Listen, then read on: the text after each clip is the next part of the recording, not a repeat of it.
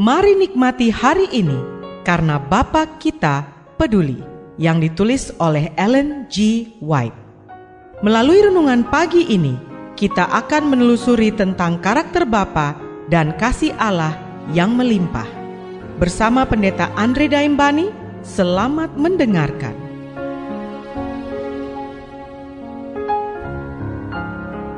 Shalom, selamat pagi saudaraku.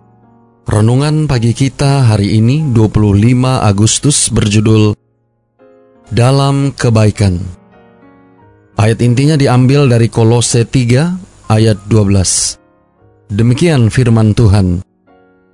Karena itu sebagai orang-orang pilihan Allah yang dikuduskan dan dikasihinya, kenakanlah belas kasihan, kemurahan, kerendahan hati, kelemah lembutan, dan kesabaran. Mari kita dengarkan penjelasannya. Biarlah hukum kebaikan ada dalam bibirmu dan minyak kasih karunia di dalam hatimu. Ini akan membuahkan hasil-hasil yang menakjubkan. Anda akan menjadi lemah lembut, simpati, santun. Anda memerlukan semua kasih karunia ini. Roh Kudus akan diterima dan dibawa ke dalam karaktermu. Maka itu akan menjadi seperti api suci, memberikan asap yang naik kepada Allah, bukan dari bibir yang mengutuk, namun sebagai penyembuh jiwa manusia. Air mukamu akan mengekspresikan gambar ilahi.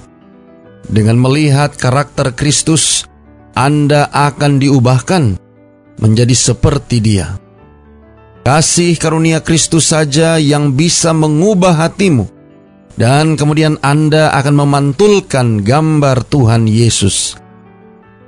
Allah memanggil kita untuk menjadi seperti Dia, murni, suci, dan tidak tercemar.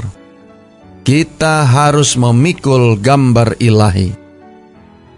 Tuhan Yesus adalah penolong kita satu-satunya Melalui kasih karunia-Nya, kita akan belajar memupuk kasih, mendidik diri kita sendiri, berbicara dengan manusia budi dan lemah lembut. Melalui kasih karunia-Nya, sikap kita yang dingin dan kasar akan diubahkan. Hukum kebaikan akan ada di bibir kita, dan mereka yang ada di bawah pengaruh indah Roh Kudus tidak akan merasa bahwa menangis bersama yang menangis, bergembira bersama dengan yang bergembira itu merupakan bukti kelemahan. Kita harus memupuk karakter sempurna surgawi. Kita harus belajar apa artinya memiliki keinginan baik kepada semua manusia, satu keinginan tulus untuk menjadi sinar matahari dan bukan bayang gelap dalam kehidupan orang lain. Raih setiap kesempatan untuk ikut membahagiakan orang-orang di sekitarmu, bagikan kasih setiamu kepada mereka. Kata-kata kebaikan, pandangan simpat, ekspresi penghargaan bagi banyak orang yang sedang bergumul dan kesepian, seperti secangkir air sejuk bagi jiwa yang dahaga. Saudara-saudara yang kekasih di dalam Tuhan, tinggallah di bawah sinar matahari kasih juru selamat.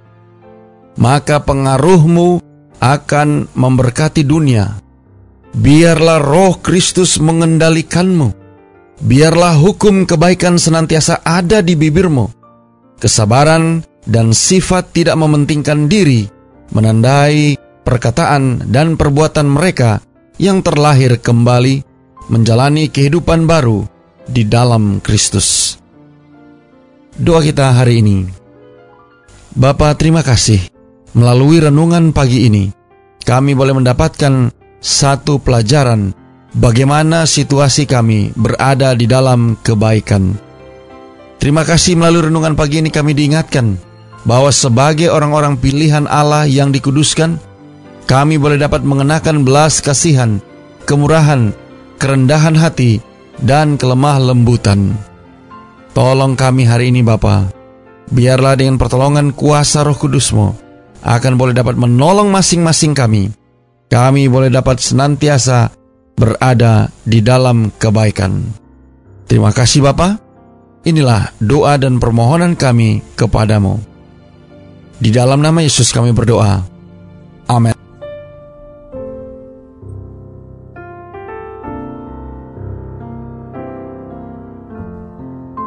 Demikianlah tadi pembahasan tentang Bapa Kita Peduli. Semoga firman Tuhan hari ini dapat menjadi berkat bagi Anda. Sampai jumpa, Tuhan memberkati.